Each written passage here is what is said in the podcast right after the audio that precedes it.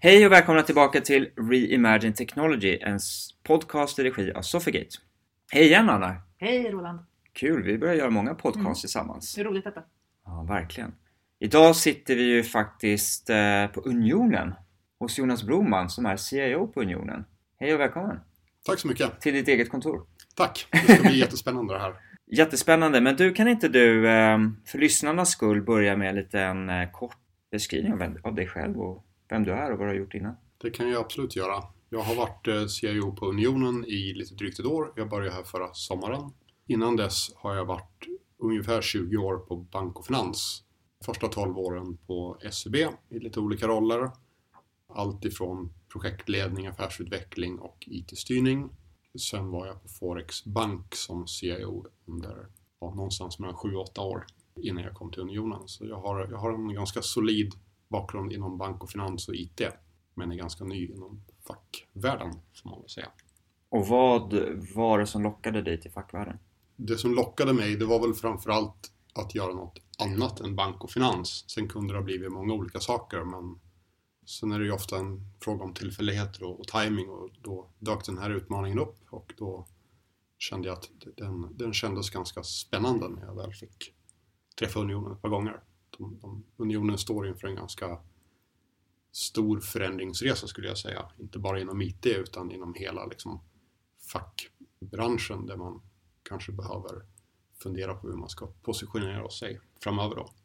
Eh, och sen finns det stora möjligheter med digitalisering och eh, så som jag tror att man, man har inte kommit så långt, i alla fall inte som bank och finans, där IT kanske är en mer naturlig del av, av verksamheten. Facket ligger lite längre bakom av naturliga orsaker också. Det finns mycket att göra. Vi kommer tillbaka till den digitaliseringsresan alldeles strax, men jag blir lite nyfiken. Vad, vad är den största förändringen som fackförbunden och fackvärlden står inför? Precis, jag, jag skulle säga att den största förändringen är väl egentligen hela den traditionella modellen. Lite grann hur man jobbar mellan fack och arbetsgivare med kollektivavtal och sådär. Den, den modellen är ju kanske under en viss justering på grund av att många tjänstemän som, som Unionen organiserar har kanske inte en anställning på samma sätt som man har haft förut. Utan man kanske jobbar och har eget bolag och eh, hyr ut sig själv i olika kortare uppdrag och sådär. Och då, då blir ju hela konceptet med kollektivavtal och centrala förhandlingar delvis liksom annorlunda skulle jag säga. Så det gäller ju att hitta liksom sin, sin relevans och sin, liksom sitt sätt att möta medlemmen på delvis ett annat sätt än vad man har kunnat göra tidigare skulle jag säga. Så det är väl den stora förändringen. Mm. Spännande. Om man går tillbaka då ett år i tiden. Mm. När du tillträdde din tjänst här som CIO på Unionen. Vad var ditt huvudsakliga uppdrag då? Och hur såg dina första hundra dagar ut? Ja, mitt, mitt huvudsakliga uppdrag det var egentligen att, att ändra positionen lite grann för IT internt här. Där man tidigare hade ett ganska stort fokus på drift, förvaltning och teknik. Alltså en ganska traditionell IT-avdelning kan man säga.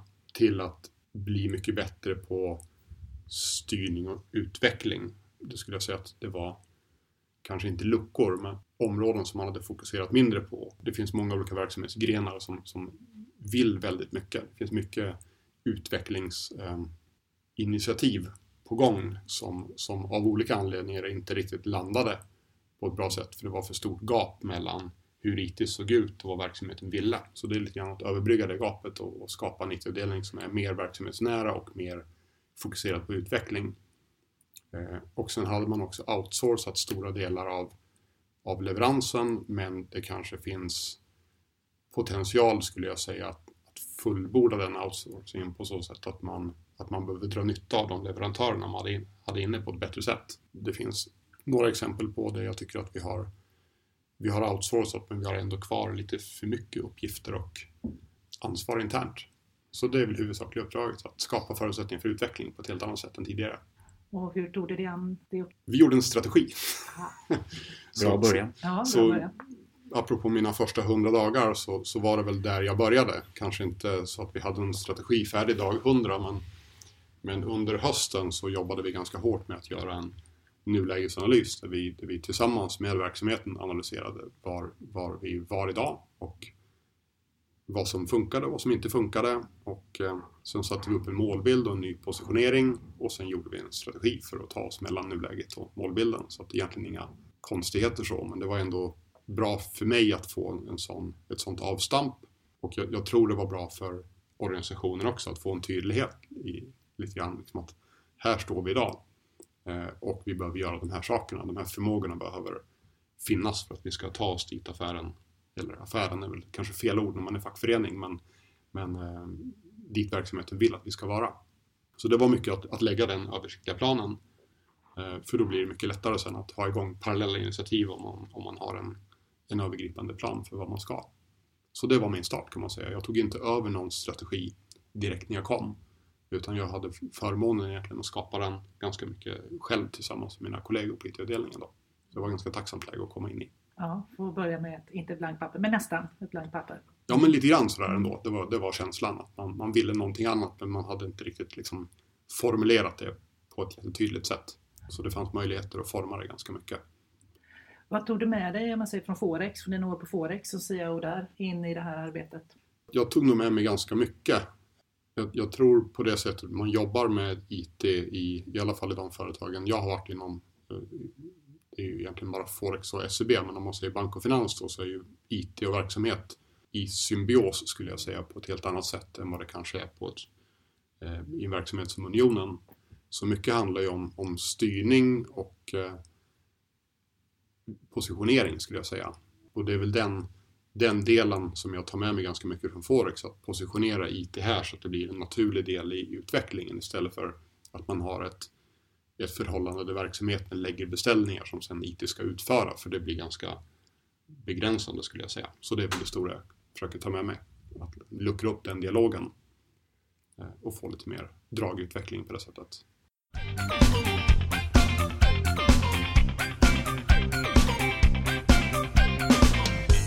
Hur långt in i framtiden kan en IT-strategi sträcka sig? Ja, det är en bra fråga. Vi, vi har jobbat med tre år. Um, inte för att det var ett resultat av en, en djup tanke så, utan det var nog för att vi kände att tre år är uh, så mycket längre blir det svårt, tycker i alla fall jag, att planera för det, det händer så mycket och uh, det kommer också förmodligen att vara en hel del liksom, utbyte av management och inriktning och sådär under, under en längre tidsperiod. Men, men tre år tycker jag, då kan man ändå ha liksom en... För ett år tycker jag blir för lite. Då hinner man inte så långt. Du måste ha en strategi som är lite mer, eh, lite mer längre än så. Men tre år är väl egentligen det jag jobbar med tidigare också inom bank och finans. Att man har någon, någon slags treårig strategi eh, och plan och sen har du mer ettåriga verksamhetsplaner som är lite mer detaljerade. Det tycker jag funkar snappade upp någonting du sa där att eh, när vi satte IT-strategin på IT-avdelningen, typ så. Mm. Och tänkte jag så här, hur mycket var de från verksamheten involverade i att sätta IT-strategin? Ja, men det, det, är en bra fråga. Väldigt mycket. Jag tycker att IT-strategi är ju egentligen ingenting man tar fram som en, som en IT-avdelning, utan det är ju, det är ju mer, den ska ju fokusera på hur, hur ska verksamheten använda IT och vilken position ska IT ha? Så det är nästan mer en fråga för en ledningsgrupp eller en styrelse än för en IT-avdelning. Och så var det även här. Så jag var uppe ett par vändor i Unionens ledningsgrupp och jag var även uppe i, i Unionens motsvarighet till, till en styrelse då, som kallas förbundsstyrelsen. För det var, det var viktigt för mig att, att den ändrade positioneringen på något sätt köptes som man förstod den i, i verksamheten. För annars har den ingen större poäng tycker jag. Hur gick dialogen till där uppe då?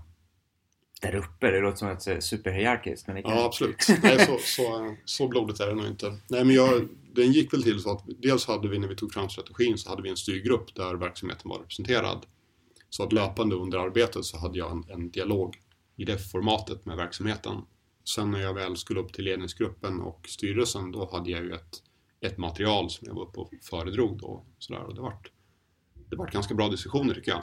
Bra och eh, vänskapliga eller stötte ni blötte ni lite utmaningar också? Att, eh, köpte de strategin? Ja men de köpte strategin och jag, och jag, jag fick ett, ett beslut vilket var viktigt någonstans att kunna hänvisa tillbaks till att det var inte bara mitt beslut utan det är ett beslut som har tagits på, på olika nivåer. Nej men det var väl en bra dialog tycker jag. Det, det är, sen kan man inte säga att det var jättelätt i alla frågor utan vissa, i vissa avseenden så visar ju strategin på ett annat sätt att jobba, på ett annat sätt att förhålla sig till IT och ett annat sätt att styra.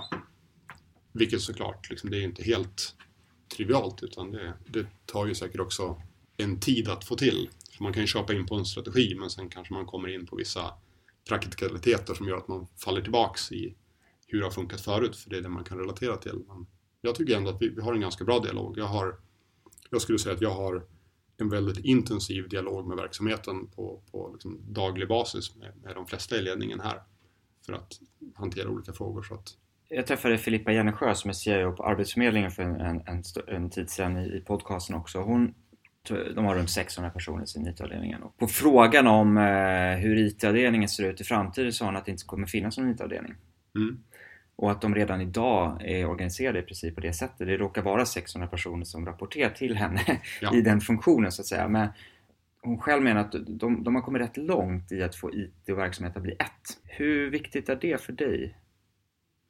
Ja, men jag, jag tycker det är jätteviktigt och det är, det är ju hela liksom basen för hur vi har satt upp styrningen och, och lite positioneringen av IT också. Att det ska vara kanske inte, inte ett i alla tillfällen, för det är klart man har olika roller, men, men det måste ändå vara väldigt mycket i, i symbios, tycker jag. Och, och eh, jag, glömde det, säga- jag glömde säga det vad gäller IT-strategin, att tittar man i den det, det, är ändå ett, det är ändå en strategi som är hyfsat omfattande. Den nämner nästan ingenting om teknik utan den nämner bara positionering, styrning och hur vi får till dialogen med verksamheten och i förlängningen våra medlemmar. Det är egentligen det som är fokuset. Det är inte teknikval eller liksom vad vi ska vara duktiga på avseende liksom de bitarna utan det handlar väldigt mycket om samspelet med verksamheten. Så, så som svar på din fråga så skulle jag säga att det är ju, det är ju verkligen så att det, det måste bli en mer eller mindre symbios mellan IT och verksamhet och jag tycker nästan den, den alltså ordvalet när man säger verksamhet och IT kan jag störa mig på lite grann för jag tycker att liksom verksamheten innehåller IT och IT kan också vara en del av verksamheten på så sätt att man, att man kanske med hjälp av möjligheter kan hitta potentialer för att förbättra verksamheten.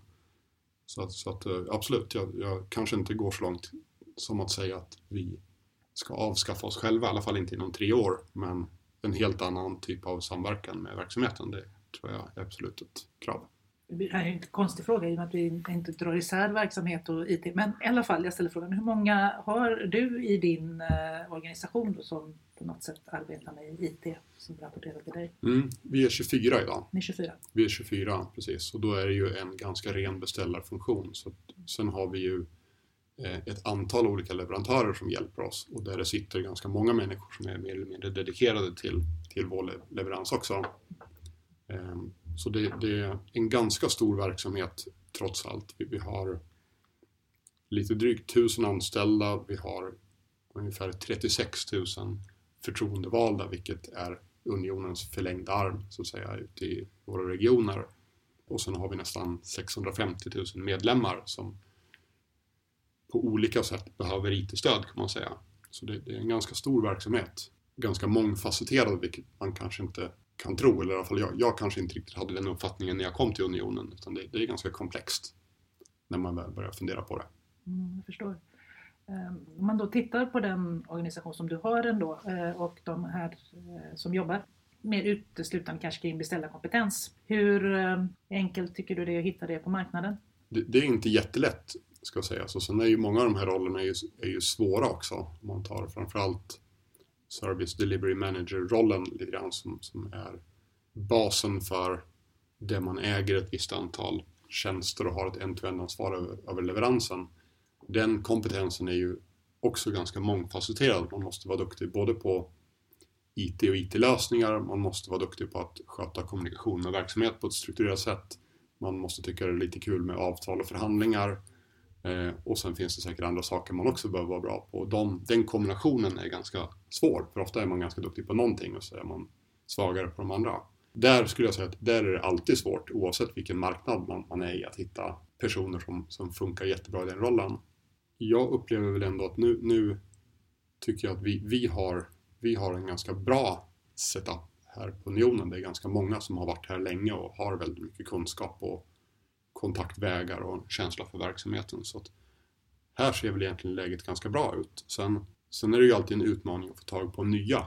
Där är utmaningen lite grann för unionen att vi är inte ett helt typiskt vi, vi är inte en helt typisk arbetsgivare eller bransch som folk tittar efter utan man behöver ofta rota lite grann i sina personliga kontakter för att få hit folk. Sen får man väl hit dem så får man ofta ganska positivt intryck av hur det funkar och hur vi sitter och hur vi jobbar och sådär. Så att det är inte alls omöjligt. Eh, det tycker jag inte.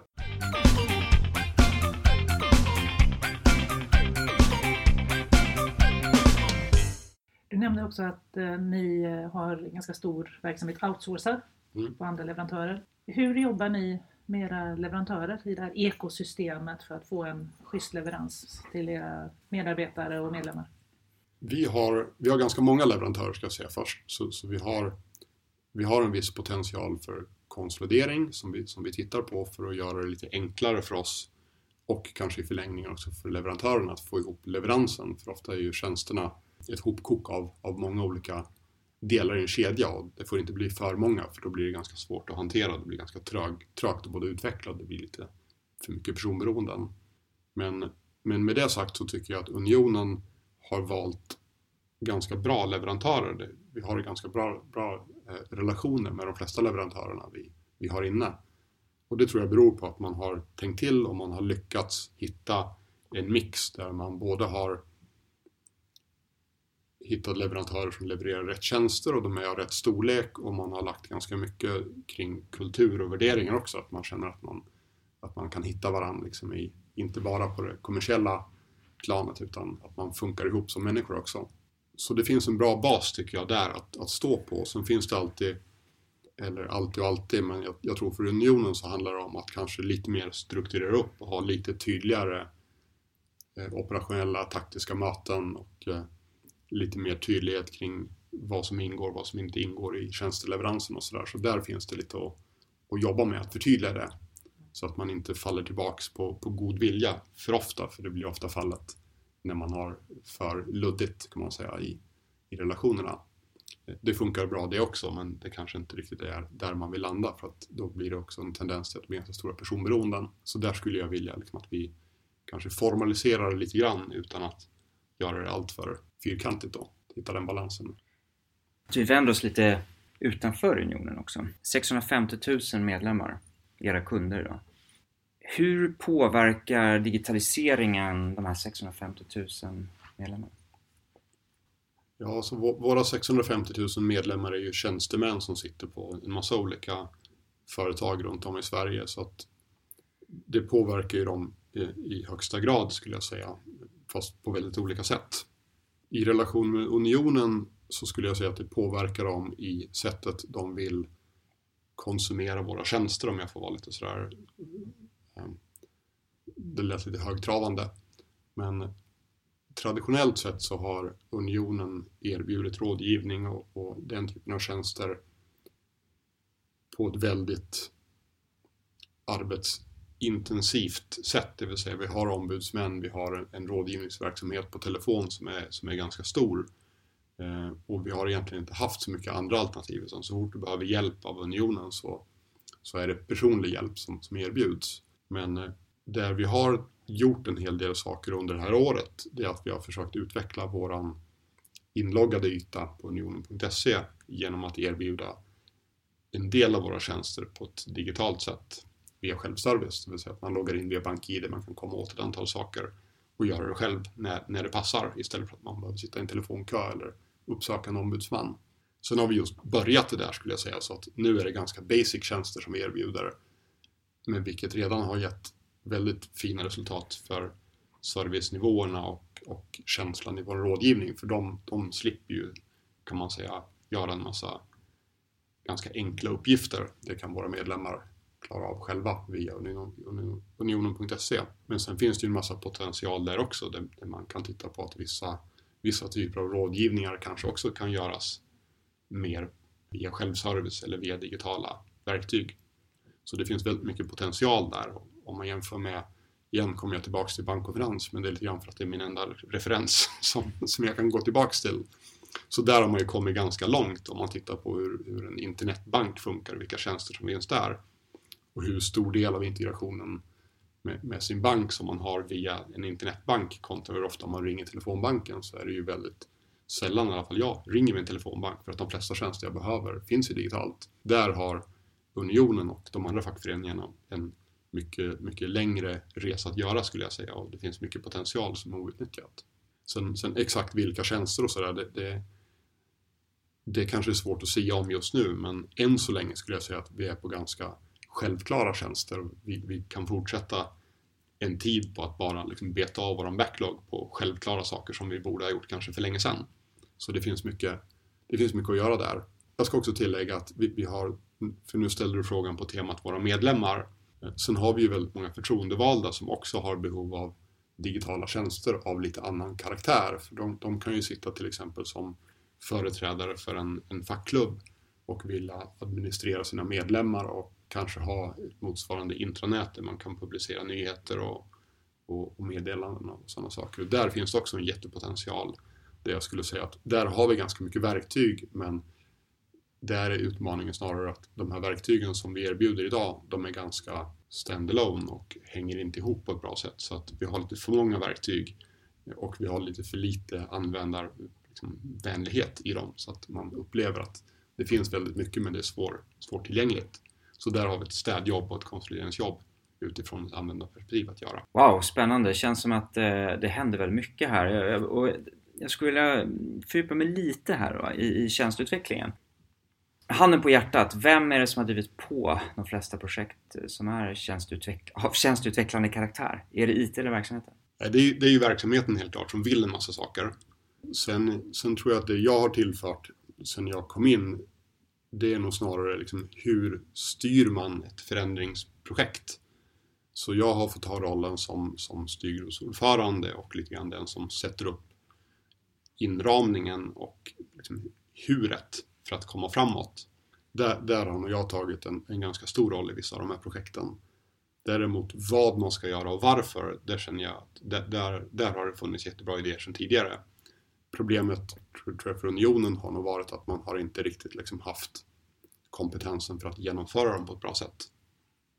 Så att, så att för mig har det handlat mycket om att liksom falla tillbaks på projektstyrning, tydlighet, projektportfölj, prioritering och styrgruppsarbete egentligen och sätta, sätta förutsättningarna för att lyckas på ett annat sätt. Men, men viljan och idéerna de har funnits sedan tidigare. Ett genomgående tema, i alla fall när jag träffar CIO, är att eh, i allt större utsträckning blir affärsutveckling eller verksamhetsutveckling nästan eh, den liksom högsta prion för en CIO. Att bidra till den, eh, att vara i, liksom med i täten för verksamhetsaffärsutveckling. Jag gissar att det är någonting du känner igen dig i. Absolut. Eh, hur får man till det? För det handlar ju väldigt mycket om en, en, en också kulturell transformation internt, eller hur? Där man släpps in i, den, i de processerna väldigt tidigt. Precis.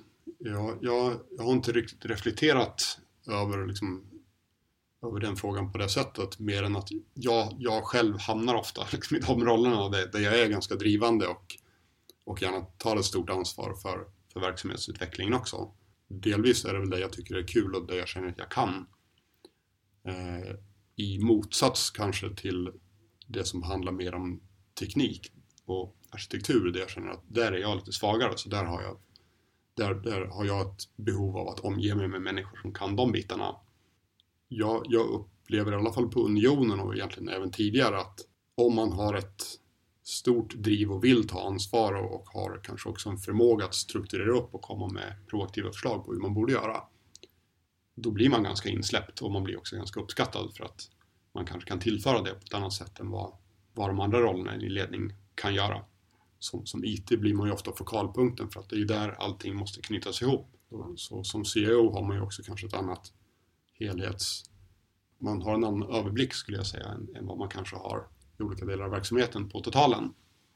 Och man har också en överblick över hur lösningarna hänger ihop vilket gör att man, man, man måste nog ta den rollen tycker jag för att det är svårt att se att den kommer på ett jättebra sätt att, att kunna tas av någon annan. Sen måste den ske i symbios där också. Men just det där att kunna tillföra överblick och liksom proaktivt föreslå lösningar för hur, hur man ska göra saker och vilken ordning.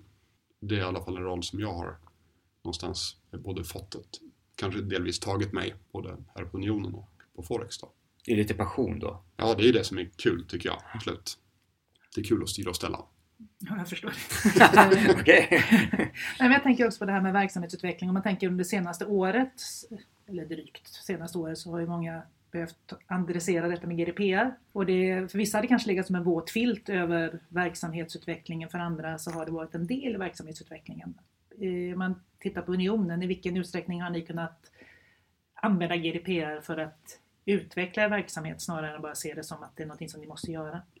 Jag skulle säga att man har inte egentligen kommit kanske lika långt i hur man jobbar med regelverksfrågor Eh, inom facklig verksamhet som, som bank och finans av naturliga orsaker. För där har man ju ganska många regelverk att förhålla sig till så det, det finns en, en ganska naturlig process och en hel del kompetenser kopplat till det här. Det finns ju riskavdelningar, complianceavdelningar, internrevision och så vidare. Och riktigt den setupen har ju inte en fackförening. Men jag skulle säga att GDPR för, för unionen har varit, det har varit väldigt bra på det sättet att vi, vi har fått upp en hel del fokus för sådana saker som, som man behöver göra. För man, vi hanterar ju mycket känslig medlemsdata såklart. Så jag tror att det var väldigt bra att GDPR kom för då får man lite tryck i processen faktiskt. Och jag tycker att vi har, vi har jobbat ganska fokuserat med GDPR sen, sen egentligen jag kom in eh, och lagt ganska mycket både utvecklingstid och, och managementtid på att hitta de här processerna som gör att vi, vi får till en, ja, en bra nivå av compliance helt enkelt. Som sagt, jag tycker att GDPR har varit, det har varit bra för unionen. Vi har gjort stora framsteg. Jag kan också säga att jag har anställt en informationssäkerhetschef som började bara för några veckor sedan. Så, så det var en ny roll som har kommit till hos IT då. Sen kan man säga att en CISO jobbar ju för hela organisationen men, men kommer att tillhöra IT organisatoriskt. Och sen har vi också anställt en, en erfaren DSO som inte sitter hos mig då, som jobbar som ja, dataskyddsombud och ska försöka se till att vi har bra processer utifrån hans perspektiv. Så det har hänt väldigt mycket på unionen på det temat, tack vare GDPR.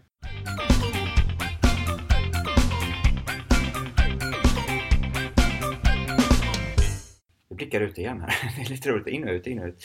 Hur, eh, hur, hur håller du dig uppdaterad? Var får du inspiration ifrån? Mm. Det enkla svaret är väl inte kanske så mycket som jag borde. Utan jag, jag tycker ofta att jag faller tillbaks till att de utmaningarna som vi har här och nu på unionen, de är egentligen inte det, det är väldigt, alltså, jag ska inte säga enkla utmaningar, men ganska generiska utmaningar kring, kring styrning och kompetens och, och genomförandekraft. Och där känner jag att jag kanske inte behöver så mycket trendspaning för att få till de bitarna, utan det handlar mycket om liksom, gnet och management och liksom, styrning. Sen försöker jag, och det tänkte jag faktiskt på när jag började på Unionen, jag ska försöka bli lite bättre på liksom, att titta framöver och gå på lite morgonseminarier och liksom, försöka se vad det finns för trender. Så det försöker jag göra också, men, men huvuddelen av min, min tid, det får man ändå säga, det kanske låter lite tråkigt här, men det handlar om liksom, den, den dagliga verksamheten och se till att den funkar mer än att titta på, på allt för mycket liksom, grejer som händer i teknologins edge, eller vad man ska säga. För vi, vi är inte riktigt där än. Eh, och jag skulle säga att unionen kanske i alla lägen inte behöver vara där heller. Vi är ju ingen vi är ju inte Elgiganten här som erbjuder liksom snabbrörlig konsument liksom, varor utan någonstans så är vi en, en verksamhet som ändå bygger på en ideologi och en, någonstans en övertygelse. Och då kanske man inte alltid hamnar där att man behöver vara liksom längst fram i teknologin på samma sätt som, som andra företag där det finns en helt annan konkurrens då låter ju rimligt eh, att du fokuserar. Men jag tänkte ändå lite avslutningsvis då be dig att kanske sia lite om framtiden. Vad tror du är de tre viktigaste fokusområdena för en CIO? Ja, men jag, jag tror mycket kommer att handla om att få till den verksamhetsnära styrningen och, och positioneringen av IT så att den blir optimal utefter liksom vilka förutsättningar och möjligheter som, som kanske finns nu på ett annat sätt än vad som fanns för tio år sedan. Så att mycket, att mycket att få till den dialogen. Sen kan den säkert se ut på olika sätt beroende på vad man är för bransch eller vad man är för företag eller, eller vad man är för person. Men mycket liksom i den, ska man lyckas då måste man få till den. Det, det, liksom, det finns ingen annan eh, utväg där tror jag. Så, sen tror jag väl också, nu kanske jag säger emot mig själv lite grann, men jag, jag tror också att det gäller nog att försöka se på de möjligheterna som finns i tekniken kanske införa dem på, på, ett bra sätt i en organisation eller föda in liksom möjligheten och se till att man, att man utnyttjar i alla fall några av de här möjligheterna som finns. Jag var faktiskt på ett seminarium förra veckan och, och det, var det, det var ett sånt budskap att det är inte bara liksom, man behöver inte titta liksom vad som kommer att komma utan ofta handlar det om att det finns redan men hur, hur får man hur kan man utnyttja det på ett bättre sätt? Och det tror jag också. Det finns jättemycket verktyg och möjligheter men, men det är väldigt mycket genomförandekraften som faller tillbaks så, som, som blir en svaghet. För att man, man, man har inte kapaciteten eller förmågan att plocka ner dem där och få ut någonting av det utan det blir mer att det stannar på powerpoints eller seminarier och sen får man liksom inte ut hävstången internt.